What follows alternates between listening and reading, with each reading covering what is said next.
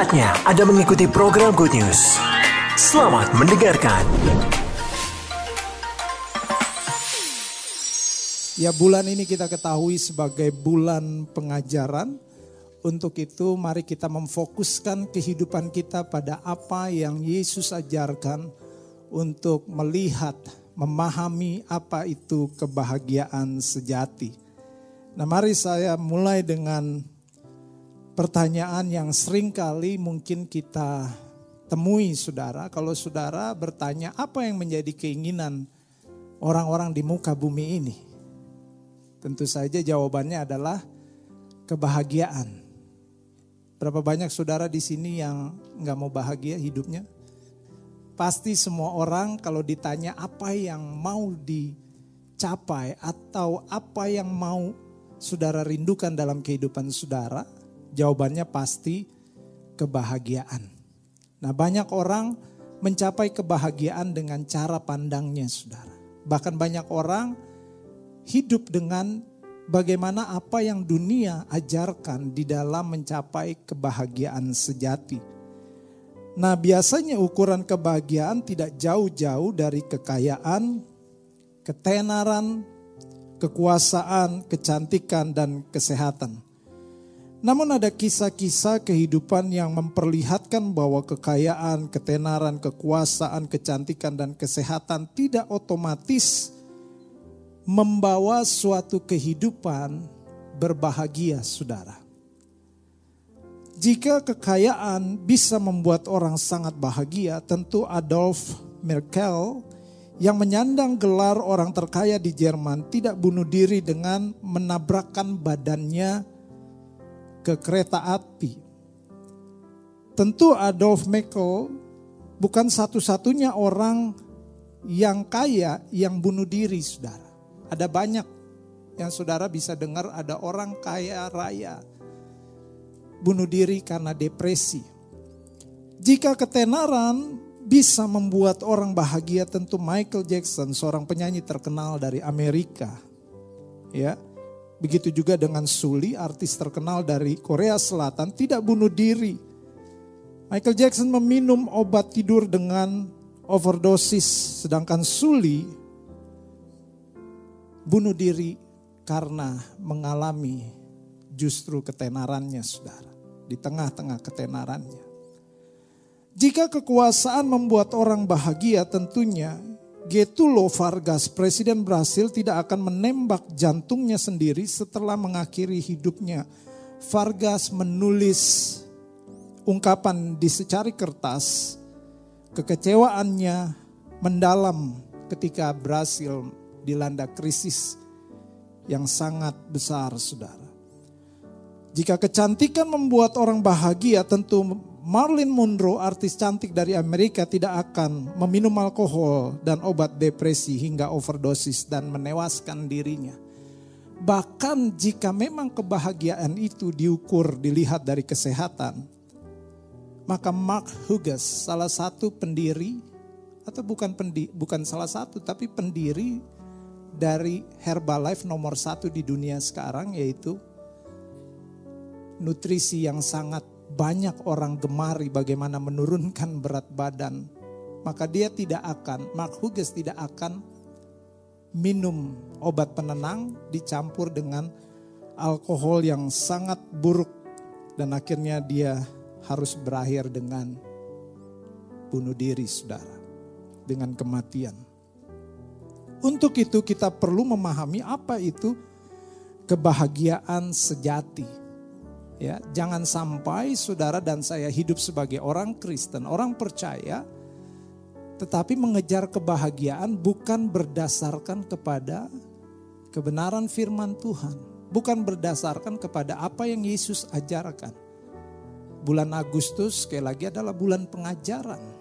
Bagaimana kita mau meresponi firman Tuhan, mengajar di dalam kehidupan kita, untuk kita mengalami apa yang Yesus ajarkan, sehingga membawa cara pandang kita terhadap kebahagiaan sejati, saudara. Nah, istilah berbahagia dalam kosa kata Yunani memiliki arti yang sama dengan bahasa Ibrani. Berbahagia berasal dari kata Yunani yaitu makarios, saudara. Yang memiliki dua arti yaitu berbahagia dan diberkati. Seorang yang mengerti tentang hal ini, saudara, tentang kebenaran, harusnya tidak lagi mengejar kebahagiaan, tetapi mengejar bagaimana kehidupannya diberkati oleh Tuhan sehingga dia berbahagia. Sekali lagi saudara, sebagai orang percaya yang harus kita kejar dalam kehidupan bukanlah merasa bahagia, tetapi bagaimana menjadi pribadi-pribadi orang percaya yang mau selaras dengan kebenaran firman Tuhan, yang mau menghidupi firman Tuhan, sehingga kehidupannya diberkati, dan karena diberkati oleh Allah, maka saya percaya jaminan atau garansinya adalah saudara bahagia. Untuk itu khotbah saya hari ini adalah kebahagiaan yang sejati. Mari kita sama-sama membaca di dalam Matius pasal yang kelima dari ayat yang pertama sampai dengan ayat yang ke-12. Kita akan sama-sama membaca bergantian saya akan memulai dengan ayat yang pertama, begitu juga dengan saudara selanjutnya di dalam ayat-ayat yang genap. Ketika Yesus melihat orang banyak itu, naiklah ia ke atas bukit dan setelah ia duduk datanglah murid-muridnya kepadanya.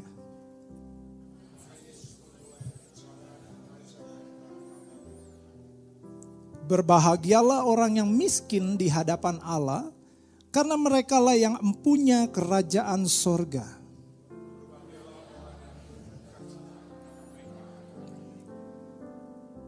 Berbahagialah orang yang lemah lembut, maaf, berbahagialah orang yang lapar dan haus akan kebenaran, karena mereka akan dipuaskan.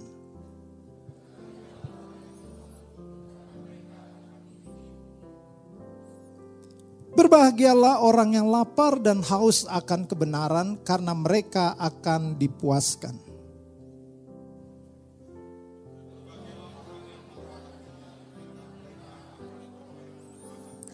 Berbahagialah orang yang suci hatinya, karena mereka akan melihat Allah.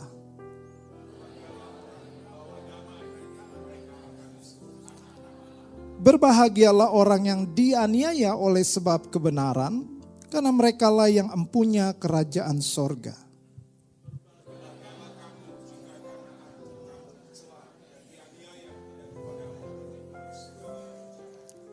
Bersukacitalah dan bergembiralah karena upamu besar di sorga, sebab demikian juga telah dianiaya nabi-nabi yang sebelum kamu. Nah Bapak Ibu Saudara yang dikasih Tuhan, melalui pembacaan ayat-ayat firman Tuhan, kita mengerti ada pengajaran yang Yesus ajarkan tentang bagaimana diberkati dan menjadi bahagia. Inilah yang harus kita kejar dalam kehidupan kita. Inilah yang harus kita dasari kebahagiaan kita, keterberkatan hidup kita hanya berasal daripada kebenaran firman Tuhan, hanya berdasar dari apa yang Yesus ajarkan saudara. Nah, kalau kita melihat pengajaran Yesus berbicara tentang diberkati dan bahagia, berbicara tentang cara pandang yang benar, bagaimana saudara dan saya diberkati. Bagaimana saudara dan saya bahagia. Jadi bukan lagi menaruh kebahagiaan kita, mengejar kebahagiaan kita kepada hal-hal yang duniawi. Kepada hal-hal yang nilai dan prinsipnya itu lahir daripada orang-orang yang tidak mengenal Tuhan.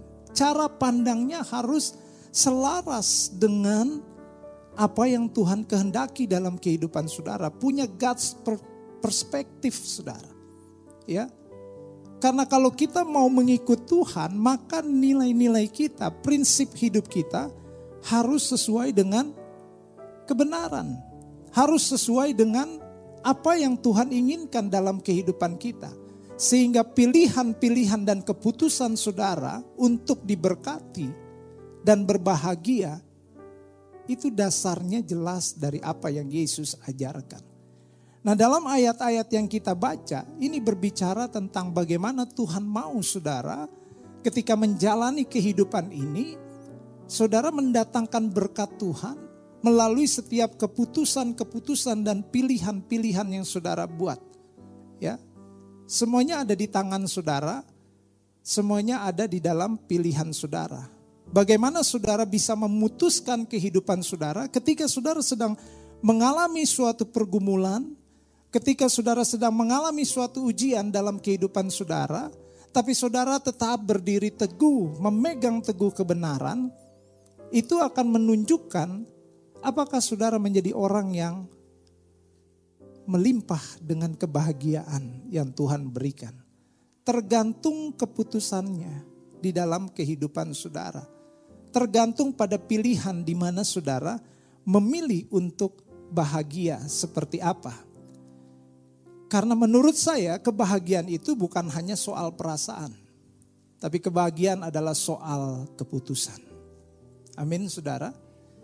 Kita bisa mengalami suatu penderitaan pada saat kita mengikut Yesus, kita bisa mengalami suatu masalah justru pada saat kita menjalani apa yang menjadi rencana dan tujuan Tuhan dalam hidup kita.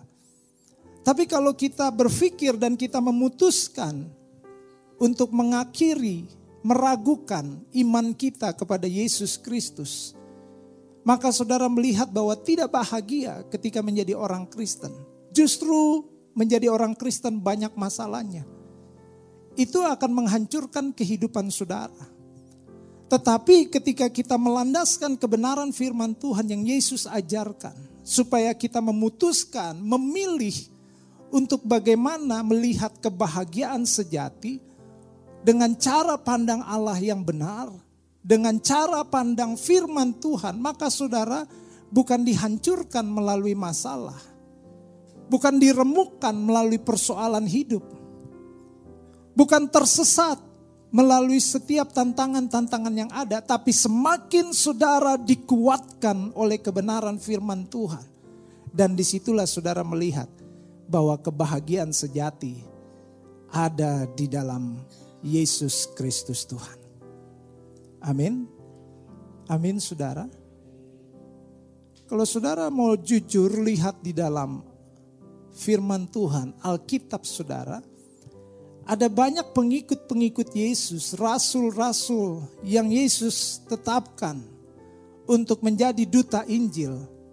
Kehidupannya secara dunia, cara pandang dunia, pasti mereka digolongkan kepada orang yang sebenarnya tidak berhasil, melakukan banyak kebodohan. Betul gak? Firman Tuhan katakan bahwa kita orang yang menghidupi kebenaran firman Tuhan bagi dunia itu kelihatan bo, bodoh saudara. Ya. Kalau saudara mau kaya, mau sukses, maka halalkan segala cara. Tapi ketika saudara benar-benar tidak kompromi terhadap nilai-nilai dan prinsip-prinsip dunia, saudara jadi karirnya lebih lama atau mungkin dihambat karir saudara ya dan membuat saudara merasa tertekan. Apakah kebahagiaan ada di sana, saudara? Kebahagiaan tidak pernah menjadi sesuatu yang diberkati Tuhan kalau kebahagiaannya yang kita kejar adalah kebahagiaan yang semu, saudara. Yang tidak sesuai dengan firman Tuhan. Itu sebabnya dalam bagian kebenaran firman Tuhan, Yesus mau mengajarkan kepada kita prinsip yang benar. Sehingga nilai-nilai dan prinsip yang benar membawa kepada keputusan-keputusan yang benar, saudara. Kita harusnya tidak menjalani satu konsekuensi yang kita nggak pernah harapkan seandainya pilihan dan keputusan saudara didasari oleh kebenaran, didasari oleh prinsip dan nilai yang benar, saudara. Salah satu contoh, ada banyak orang harus menjalani kehidupannya dengan kesengsaraan yang begitu panjang. Karena apa? Karena tidak hidup di dalam prinsip dan kebenaran. Lebih memilih untuk memuaskan daging. Ya. Akhirnya apa yang terjadi? Dia harus hidup menanggung konsekuensi. Saya sering mengatakan bahwa kita bisa bebas memutuskan apa pun yang kita bisa putuskan dan pilih. Tapi percayalah bahwa saudara nggak akan pernah bisa bebas dari konsekuensi atas keputusan dan pilihan-pilihan pada saat saudara memutuskan dan memilih sesuatu yang berarti yang penting dalam kehidupan saudara di luar dari kebenaran firman Tuhan, di luar daripada prinsip dan nilai-nilai kebenaran firman Tuhan, maka sisa kehidupan saudara hanya berakhir untuk menjalani konsekuensi. Harusnya nggak terjadi seperti itu, saudara. Ya, jangan mengejar yang namanya kebahagiaan, tetapi kebahagiaan yang semu, saudara. Ya, ada banyak orang banting tulang, saudara, kerja lebih daripada 8 jam, ya, mengabaikan keluarga untuk demi segenggam berlian, saudara. Untuk demi mendapatkan banyak harta. Tapi akhirnya tanpa sadar dia sedang terjerat, terbelenggu dengan kekayaan dan pekerjaannya. Saya nggak bilang jadi orang kaya itu salah. Tapi kalau kekayaan saudara membuat saudara bahagia, itu yang salah saudara. Ya, saya nggak bilang kalau saudara terkenal, populer itu salah. Tapi kalau saudara meletakkan kebahagiaan saudara di atas kepopuleran, kekayaan, ketenaran, jabatan, reputasi, itu salah saudara. Ya, tadi contoh yang saya bagikan tentang orang-orang yang kaya, yang terkenal, yang sehat, yang cantik. Ternyata mereka adalah orang-orang yang hidupnya pun tidak mengalami kebahagiaan tetapi walaupun mungkin kita harus mengalami penderitaan, mungkin kita harus mengalami tantangan, masalah dalam kehidupan, selama saudara mengikuti, menerapkan apa yang Yesus ajarkan, kebenaran firman Tuhan saudara terapkan dalam kehidupan saudara, saudara jalani kehidupan saudara dengan mentaati firman Tuhan, menghidupi firman Tuhan maka walaupun saudara hidup sederhana atau mungkin hidup dengan kekurangan, tapi kebahagiaan saudara ada di dalam Yesus Kristus Tuhan. Amin. Bahkan Yesus sendiri ketika dia turun ke dunia ini, dia tidak turun dengan kemuliaan saudara, dengan kekayaan. Tetapi dia menunjukkan dia turun ke dunia ini dengan misi penyelamatan dengan keadaan yang sangat-sangat prihatin. Minim, sederhana, lahir di kandang binatang. Hidup dibesarkan oleh keluarga yang gak kaya juga saudara. Ya, tapi dia membagikan kebahagiaan yang sejati adalah kebahagiaan di mana hidup saudara dan saya diberkati Tuhan karena saudara berkenan di hadapan Tuhan. Amin saudara. Dan mari kita melihat dalam bagian ayat yang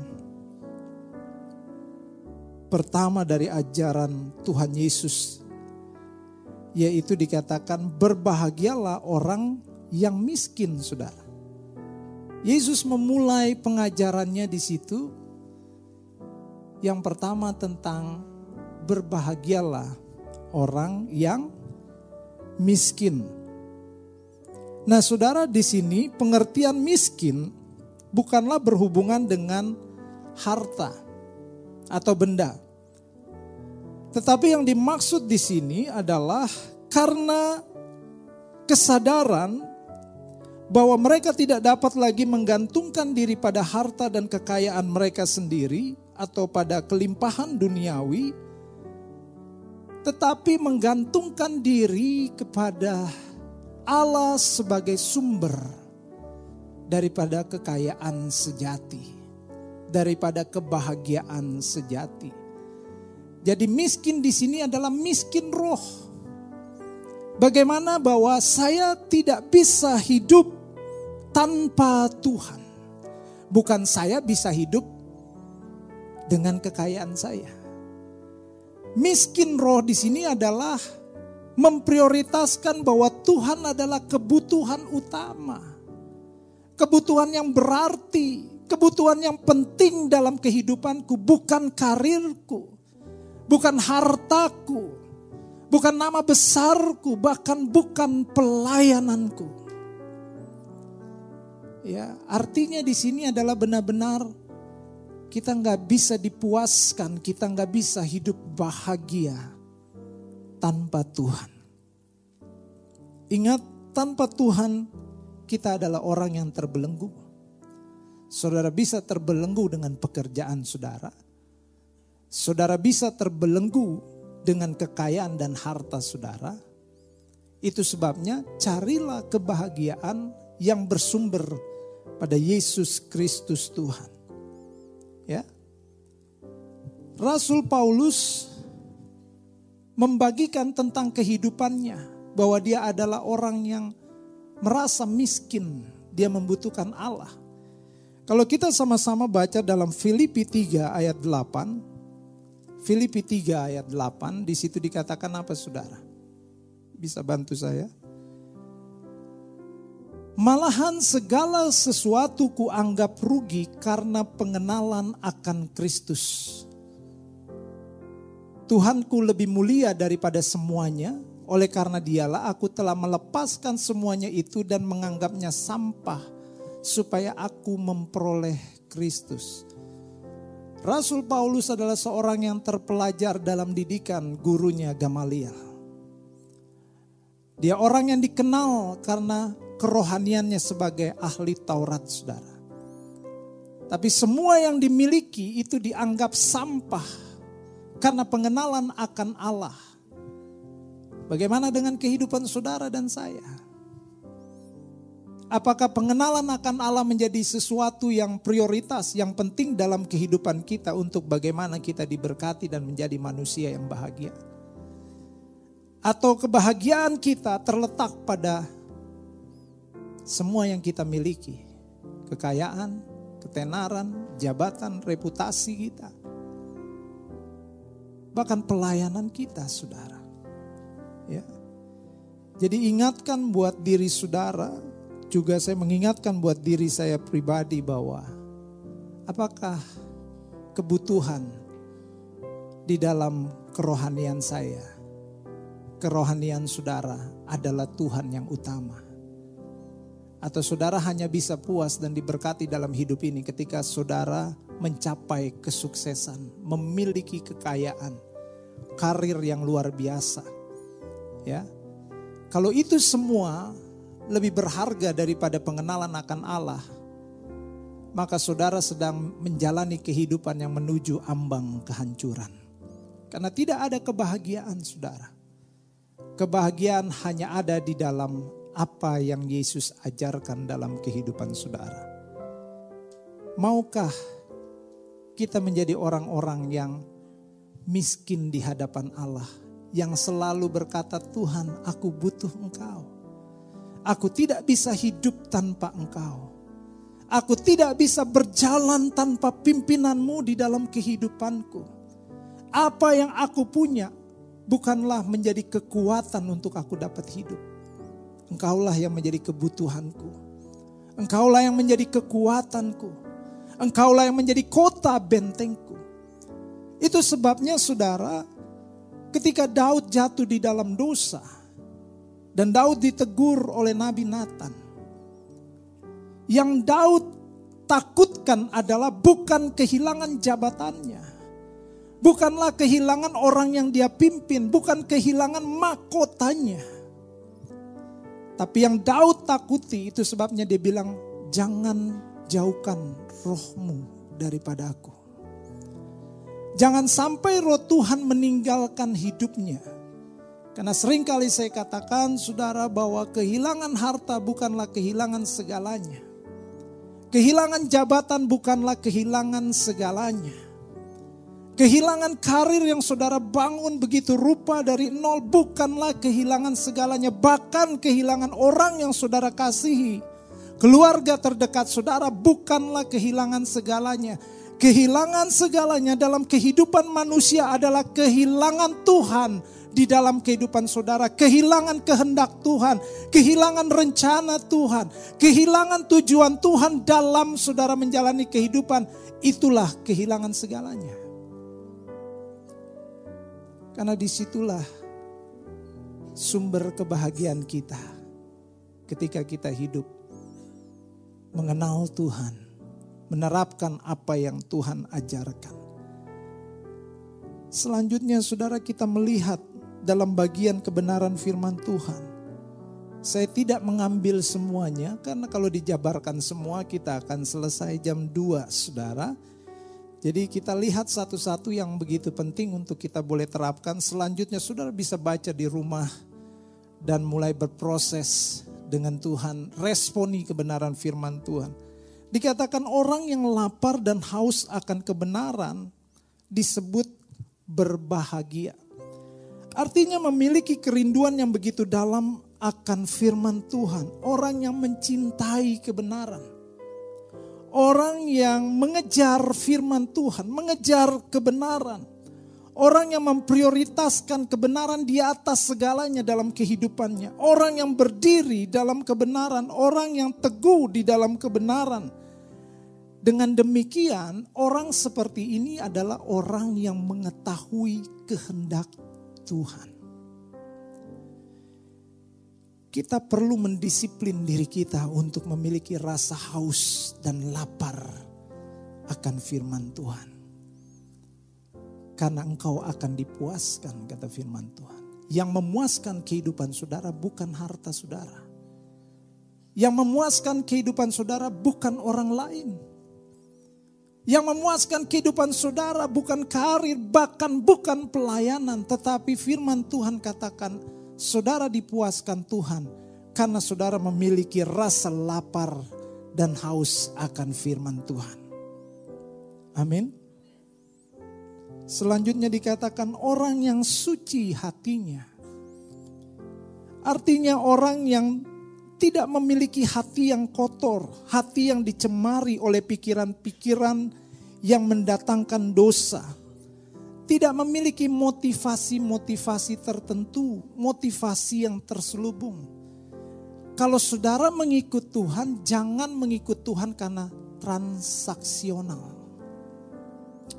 Apakah kalau saya jadi orang Kristen, hidup saya ekonominya berubah? Apakah ketika saya memutuskan menjadi orang percaya, rajin ke gereja, apakah karir saya, pekerjaan saya diberkati? Soal saudara diberkati, itu urusan Tuhan, bukan urusan saudara. Amin. Pada kenyataannya ada banyak orang percaya yang justru harus mengalami apa yang diizinkan Tuhan, menderita. Ya, Ketika bekerja sebagai orang percaya, orang Kristen menghidupi nilai-nilai kebenaran, maka kalau bosnya bukan seiman, saudara kerja 15 tahun pun karir saudara akan tetap di situ. Menderita saudara menjadi orang percaya.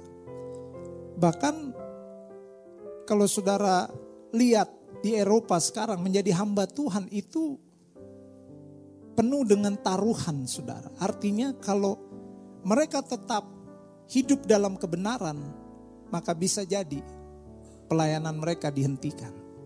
Ya, saya khotbahkan minggu lalu atau minggu minggu beberapa minggu yang lalu. Ada banyak pendeta di sana kalau mereka tidak menikahi Adam dan John atau Siti dan Maimunah, maka mereka diberhentikan. Mereka bisa dilaporkan polisi, saudara. Kalau mereka berbicara tentang kebenaran bahwa LGBT itu tidak sesuai dengan kebenaran. Karena sekarang ada banyak orang berlomba-lomba untuk menegakkan nilai humanisme. yang sering kali bertentangan dengan nilai kebenaran, saudara. Tapi sekali lagi di sini, apakah kita mencintai firman Tuhan? Apakah kita mau hidup untuk berdiri di atas kebenaran? Kebenaran firman Tuhan dengan memiliki rasa haus dan lapar akan firman Tuhan, saudara.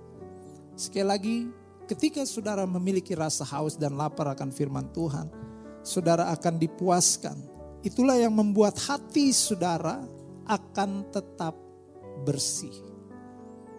Sekali lagi tidak ada motivasi apa pun. Bahkan ketika saudara dipercayakan Tuhan untuk melayani. Saudara melayani dengan tulus.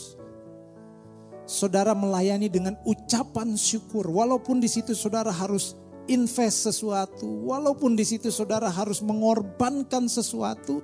Tapi saudara mempertahankan hati yang murni. Hati yang tulus. Amin saudara.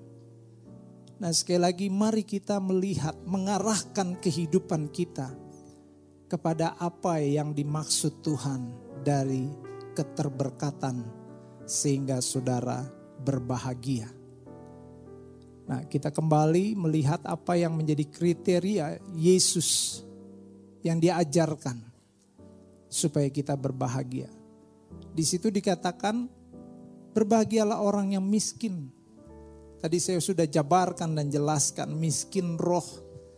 Tetapi juga kadang-kadang Tuhan izinkan secara ekonomi. Kita kadang-kadang ikut Tuhan harus mengalami hal-hal yang kita tidak pernah harapkan. Ada banyak hamba-hamba Tuhan memilih, memutuskan untuk melayani Tuhan. Dan hidupnya penuh dengan kekurangan. Saudara jangan buru-buru bilang bahwa ada dosa atau ada kutuk ya saudara nggak pernah tahu hidup orang di hadapan Tuhan ya itu sebabnya banyak orang sekarang seneng menjadi pendeta di kota-kota besar bahkan saya pernah dengar ada pengusaha itu menawarkan untuk buka bisnis gereja karena kalau hitung-hitungannya saudara tiap minggu ada persembahan, tiap bulan ada perpuluhan. Dikalikan berapa jemaat. Saya kaget saudara. Karena ada gereja yang seperti itu. Nah, akhirnya apa? Menggeser nilai-nilai firman Tuhan yang harus dihidupi. Sehingga kalau kita menjadi hamba Tuhan, konotasinya selalu kekurangan saudara. Kalau saudara nggak percaya, tanya sama anak saudara. Sangat jarang anak yang punya cita-cita ketika ditanya mau jadi hamba Tuhan. Kalau zaman dulu saudara jadi hamba Tuhan itu cita-cita yang sepertinya nggak ada cita-cita yang lain tanah. Ya kan? Karena konotasinya merendahkan saudara. Ya. Justru bersyukur kalau anak saudara dia katakan, "Pa, Ma, aku mau jadi hamba Tuhan." Melayani raja di atas segala raja. Amin. Dukung mereka untuk bagaimana hidup mereka bisa melakukan apa yang menyenangkan hati Tuhan. Nah, saudara, kita melihat di sini kebenaran firman Tuhan tentang kebahagiaan adalah jangan takut miskin. Karena saudara akan melihat Tuhan yang kaya, dia akan mencukupi saudara. Ya, saya mulai pelayanan dari nol, dari nggak ada apa-apa. Dan itu diizinkan Tuhan. Saya tidak melayani ketika ada orang nih, saya modalin kamu seperti ini. Itu franchise namanya sudah. Dari nol, mengalami kemiskinan, yes. Tapi sampai detik ini saya tidak hidup di dalam kekurangan. Karena saya menyembah Allah yang dahsyat, Allah yang besar, Allah yang berkuasa. Kebutuhan tetap ada, kekurangan tetap ada. Tetapi Allah yang saya sembah, Allah yang tidak pernah meninggalkan saya. Anak-anak yang kami urus lebih dari 30 anak, tetap sekolah, tetap makan. Mereka nggak puasa satu minggu sudah. Bisa di demo saya sama mereka. Mereka taunya makan. Mereka nggak perlu berpikir bagaimana dapat makan. Karena mereka tahu Allah yang besar memelihara kehidupan mereka. Ya, Jangan pernah takut miskin kalau memang saudara dipanggil Tuhan untuk melakukan sesuatu sampai saudara harus merelakan, melepaskan segala sesuatu yang ada dalam kehidupan saudara. Jangan larut dalam duka. Kadang-kadang dalam hidup Tuhan izinkan kita kehilangan. Banyak kehilangan bahkan. Tapi sebagai orang percaya, jangan hidup saudara berlarut-larut di dalam duka. Tapi kalau saudara berduka dalam pelayanan, percayalah dan tenangkan jiwa saudara karena Yesus yang kita sembah mampu memberikan penghiburan dalam kehidupan saudara. Ya, saya nggak bilang bahwa dalam pelayanan nggak ada dukanya. Waduh banyak saudara. Mau coba saya doain supaya saudara melayani itu. Ada banyak duka di situ. Tetapi berduka karena melakukan pekerjaan Tuhan. Berduka karena melakukan kebenaran firman Tuhan. Kita akan mendapat kepuasan yang daripada Tuhan kita akan mendapatkan penghiburan yang besar yang daripada Tuhan. Kriteria selanjutnya kebahagiaan yang diajarkan Yesus adalah jangan takut dianiaya karena kebenaran. Ya. Karena nabi-nabi mengalami hal itu. Rasul-rasul mengalami hal itu. Bahkan Yesus katakan dalam Lukas 9, Barang siapa yang mau mengikut aku, ia harus memikul salibnya setiap hari dan menyangkal dirinya lalu mengikut Tuhan. Pikul salib itu berat saudara. Beda sama pikul emas batangan. Pikul salib artinya harus ada penderitaan demi menghidupi kebenaran. Demi selaras hidup sesuai dengan firman Tuhan.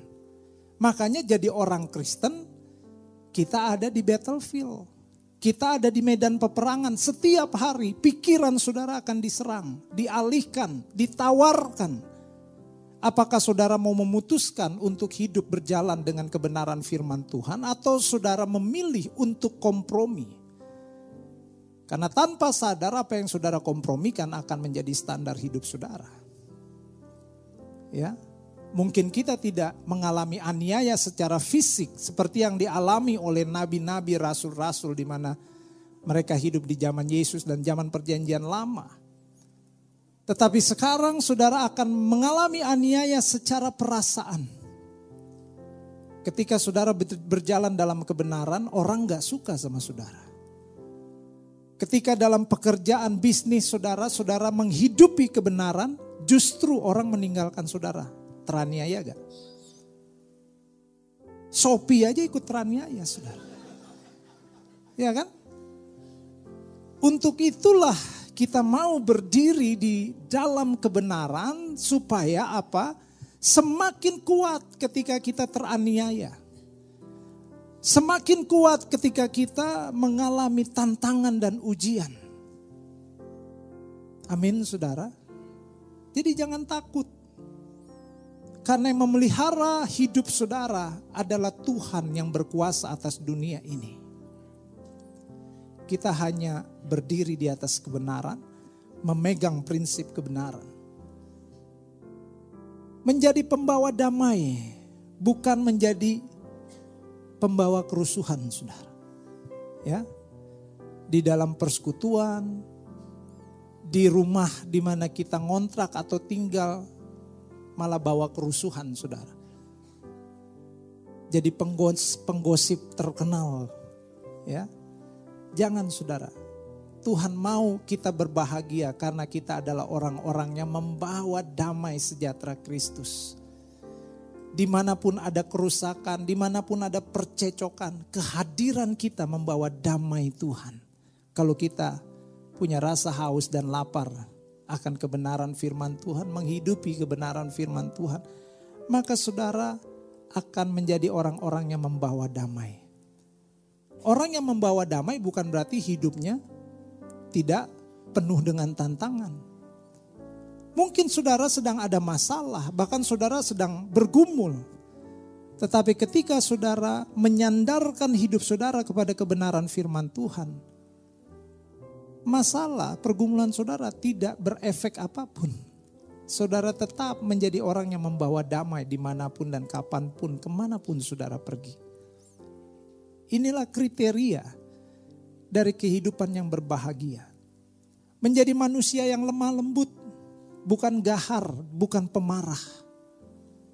Ada orang yang marah-marah saudara dalam pelayanan cuma gara-gara kesalahan kecil. Ya. Ternyata bukan di Alkitab saja yang dibilang iblis seperti singa yang mengaum. Di gereja banyak orang yang suka mengaum, Saudara. Ketika menghadapi ketidakadilan, gampang sekali orang marah. Saudara kita harus memiliki karakter Yesus yang lemah lembut. Karena kelemah lembutan itulah yang membuat kita bisa memancarkan bahwa ada Yesus dalam kehidupan kita. Itu jaminan kebahagiaan kita, saudara. Itulah yang membuat kita diberkati sehingga melalui kehidupan kita yang lemah lembut, Kristus nampak buat kehidupan orang lain. Amin. Memiliki rasa lapar dan haus akan kebenaran, selalu merindukan firman Tuhan selalu menganggap bahwa firman itu adalah prioritas di atas segalanya. Bahkan aktivitas saudara ditentukan bagaimana saudara memiliki rasa haus dan lapar akan Tuhan. Saudara bangun pagi, apa yang saudara cari? Apakah cari firman Tuhan? Apakah menghampiri Tuhan? Atau lebih mencari kopi, teh, sarapan apa mah hari ini? Ya, di situ akan terlihat dengan jelas. Karena saudara yang haus dan lapar akan kebenaran, saudara akan dipuaskan, saudara akan diberkati, saudara akan bahagia. Amin. Selanjutnya kriterianya adalah menjadi manusia yang murah hati, bukan manusia yang pelit, manusia yang tidak bisa memberi, saudara. Firman Tuhan katakan lebih berbahagia memberi daripada menerima. Percayalah ketika saudara murah hati, saudara sedang menyatakan karakter Kristus buat kehidupan orang lain. Kenapa ya orang itu kok suka memberi ya? Padahal saya nggak pernah memberi dia. Ujung-ujungnya, oh karena dia orang Kristen. Dan murah hati itu nggak perlu tunggu saudara jadi kaya dulu, kelimpahan dulu. Justru ketika saudara mampu memberi di dalam kesusahan, di dalam kekurangan, saudara lebih kaya daripada orang yang berlimpah hartanya. Amin, saudara. Jadi belajarlah menjadi orang yang murah hati, karena saudara disebut Tuhan orang yang berbahagia dan diberkati. Memiliki kesucian hati, Artinya tidak ada sesuatu yang kita selubungi di hadapan Tuhan. Tidak ada dosa yang kita sembunyikan. Sehingga kita mengenal Tuhan dengan caranya. Membawa perkenanan kepada Tuhan karena kita membangun kekudusan dalam hidup kita. Firman Tuhan katakan kuduslah kamu sebab aku kudus. Tidak ada seorang pun yang dapat melihat Tuhan tanpa hidup kudus. Ketika saudara melihat Tuhan, karena saudara hidup kudus, saudara akan melihat karya Tuhan dalam hidup saudara dengan jelas. Saudara akan mampu memahami kehendak Tuhan dengan jelas. Saudara akan mampu menghidupi rencana dan tujuan Tuhan dengan jelas. Masalahnya yang gak menjadi jelas dalam kehidupan saudara, saudara tidak memiliki kehidupan yang kudus.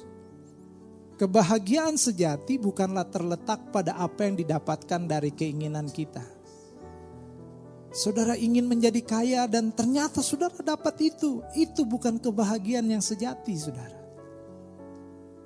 Saudara ingin beli mobil Lamborghini, Lambetura, eh salah.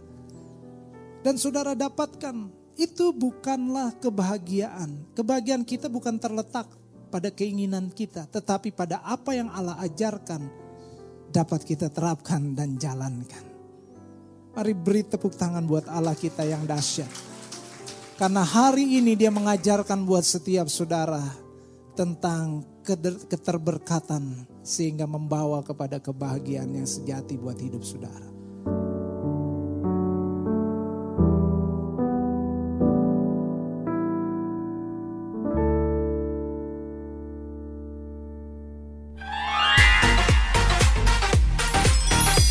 Terima kasih untuk Anda yang sudah mendengarkan program Good News yang dipersembahkan oleh Radio Sejahtera. Untuk Anda yang rindu mendapatkan layanan konseling dan dukungan doa, silakan menghubungi hotline 0812 33 33 6392. Para konselor dan para pendoa Diaspora Sejahtera Caring Ministry siap untuk melayani Anda. Tuhan Yesus memberkati.